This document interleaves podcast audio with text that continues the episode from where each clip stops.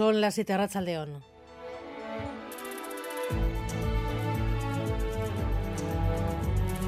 Gambara con Arancha García.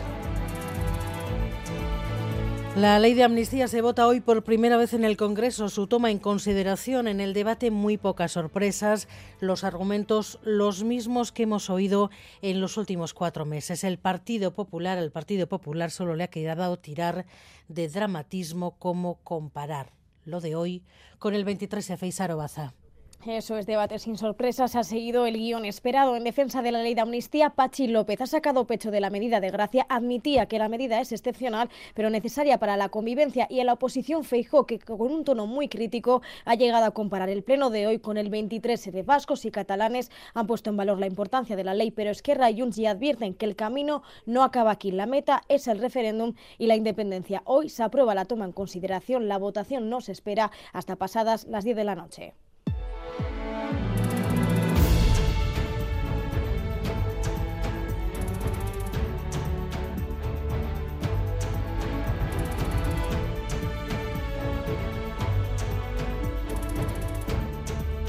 Muestra un guion previamente escrito incluso antes de conocer el proyecto de presupuestos. Soy consciente de que este es un año electoral. Tristemente tengo la sensación de que se pretende dibujar una realidad tremendista y caótica que la situación económica y social en Euskadi no muestra. No creo que sea un proyecto que merezca el rechazo frontal de todos los grupos parlamentarios el primer trámite para los presupuestos salvado. La mayoría del Gobierno ha rechazado las enmiendas a la totalidad. La semana que viene quedarán definitivamente aprobados y así la legislatura vasca va agotando tiempos hasta la convocatoria de elecciones. En cuatro días, del 19 al 23 de este, 22 de este mes, el Gobierno va a abrir la negociación con Madrid de las tres competencias que se tienen que trasvasar en los próximos tres meses y se van a aprobar siete leyes, Ainhoa Iglesia. Sí, la actividad política en Euskadi será frenética en la última semana hábil del año, es decir, la semana que viene. El martes 19 el Gobierno vasco mantendrá una reunión con el español para avanzar en las tres transferencias que en el acuerdo para la investidura de Sánchez se pactó tras pasar en un plazo de tres meses.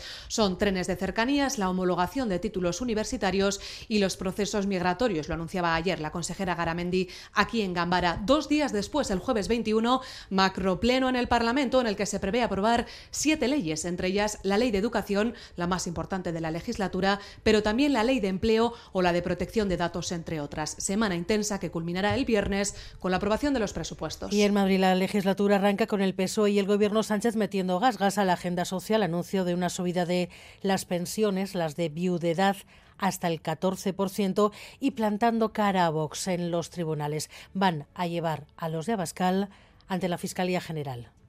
Queremos que caiga sobre Abascal y sobre Vox todo el peso de la ley y del Código Penal. Por eso es una denuncia por las declaraciones de Santiago Abascal, pero también es una denuncia por los ataques a las sedes, los asedios, los acosos, las amenazas y los ataques a esas sedes constituyen un ejemplo claro de delito de odio contra el Partido Socialista. Abascal ha contestado esta tarde desde la tribuna del Congreso, reafirmándose en su comparación de Sánchez y el final de Mussolini, pero sobre todo ajustando cuentas a Núñez Feijo. Habla de las fotografías del presidente del PP con el narco gallego Marcial Dorado con una persona por la que de manera injusta le querían relacionar a usted con el narcotráfico. Y yo nunca me he sumado y nunca me sumaré en el futuro a esos linchamientos. Y lamento decirle que les he visto a ustedes y a usted personalmente correr a sumarse al linchamiento contra Vox y contra mí. Y sí, el pueblo español acabará cansándose de los que traicionan a España.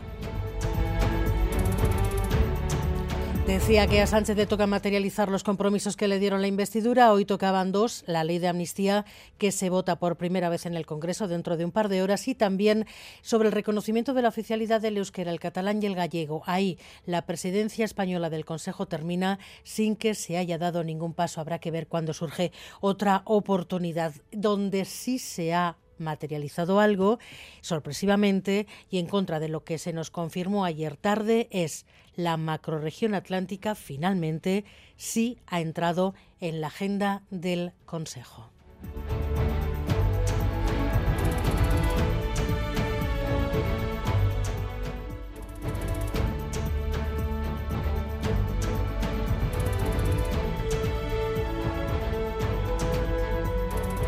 Europa ha acordado además las nuevas cuotas pesqueras. La flota vasca podrá aumentar sus capturas de merluza el año que viene y los vecinos de la 31 de agosto afectados por el incendio de ayer han podido volver a sus casas a recoger sus pertenencias esta tarde. Bomberos y Policía Municipal siguen investigando las causas del suceso, pero todo apunta a que se trata de una negligencia del bar en el que se originó el fuego. Varias viviendas han quedado destrozadas. Los vecinos denuncian que no es la primera vez que a ese bar se le abre un expediente. Bueno, que todas vienen de, este establecimiento de aquí, que es una negligencia por parte de los propietarios y que es lo que hay que, que mirar ahora, es decir, cómo se procede con esto. Pero que todo ha venido causado por sistema de extracción de aquí, los tubos, etcétera. No, no, no es la primera vez. No es la primera vez, lo que pasa es que esta, esta ha sido mucho más grave que la anterior. Y los deportes, la Real se juega la primera plaza del grupo en la Champions dentro de un par de horas. Edu García, Rachaldeón. Rachaldeón, así es, eh, contra el Inter de Milán en un escenario majestuoso como Giuseppe Meazza, con cerca de 3.000 aficionados del conjunto Churri tiene las gradas del estadio milanista y obviamente con la tranquilidad que da saber tranquilidad entre comillas, que dos de los tres resultados posibles clasifican al equipo de Donostiarra como primero para octavos de final. La victoria o el empate le valen al equipo de Imanol, que en principio parece podrá contar con Igor Zubeldia. También ha sido hoy día de sorteo de Copa, 16 de final. Tenemos ya también los horarios y las fechas, luego los pasaremos con detalle a partir de las 8 menos 20, pero el Alavés jugará el día de Reyes en Mendizorroza contra el Betis, tenemos un derby en Ipurúa, Eibar Athletic jugarán domingo por la tarde, al igual que lo hará la Real, el domingo por la noche en la Rosaleda ante el Málaga, también jugará el domingo Osasuna en Castalia contra el Castellón, y el eh, Amorebieta recibirá al Celta a mediodía el domingo 7 de enero. Luego repasaremos, insisto, con detalle los horarios. Y tenemos dos citas con el básquet para esta noche de martes. En la Liga CB, partido adelantado de la jornada 16, Vasconia recibe al colista, al Palencia, en el Bues Arena. Una buena oportunidad para sumar una victoria que le acerque al objetivo de la Copa. Y a las 9, Bilbao Basket juega en Lisboa ante el Oporto en la segunda jornada de la segunda fase de la FIBA Europe Cup. Eh, un partido importante para los hombres de negro que quieren seguir siendo líderes de grupo, están invictos en Europa, pero vienen de perder en la CB ante Breogán en un partido mm, bastante flojo el pasado fin de semana.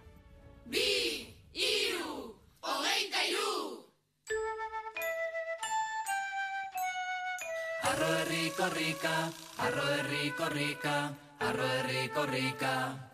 Bagara, arro herri korrika, arro herri korrika, arro herri korrika. Plazara. Arro herri onatu euskaldunak. Arro Herri, la canción de Corrica Hogeita Iru. La autora es Maite Arroita Jauregui de Mursego y lo define como pop barroco y habla de ella como un producto de la reflexión y del divertimento. Hau lan ezberdina izan da guretzat, gutxitan egiten dugulako kantuak enkarguz. Eta horrek gure buruari muga batzuk jartzera eraman gintuen. Baita horrelako kantuekin egonoi diren inertzia edo iturak kolokan jartzera. Hainbestetan entzungo den kantu bati nola ekin. Bidean teorizatu ahal izan dugu, asko. Eta asko divertitu gara, ez dagoelako erantzunik.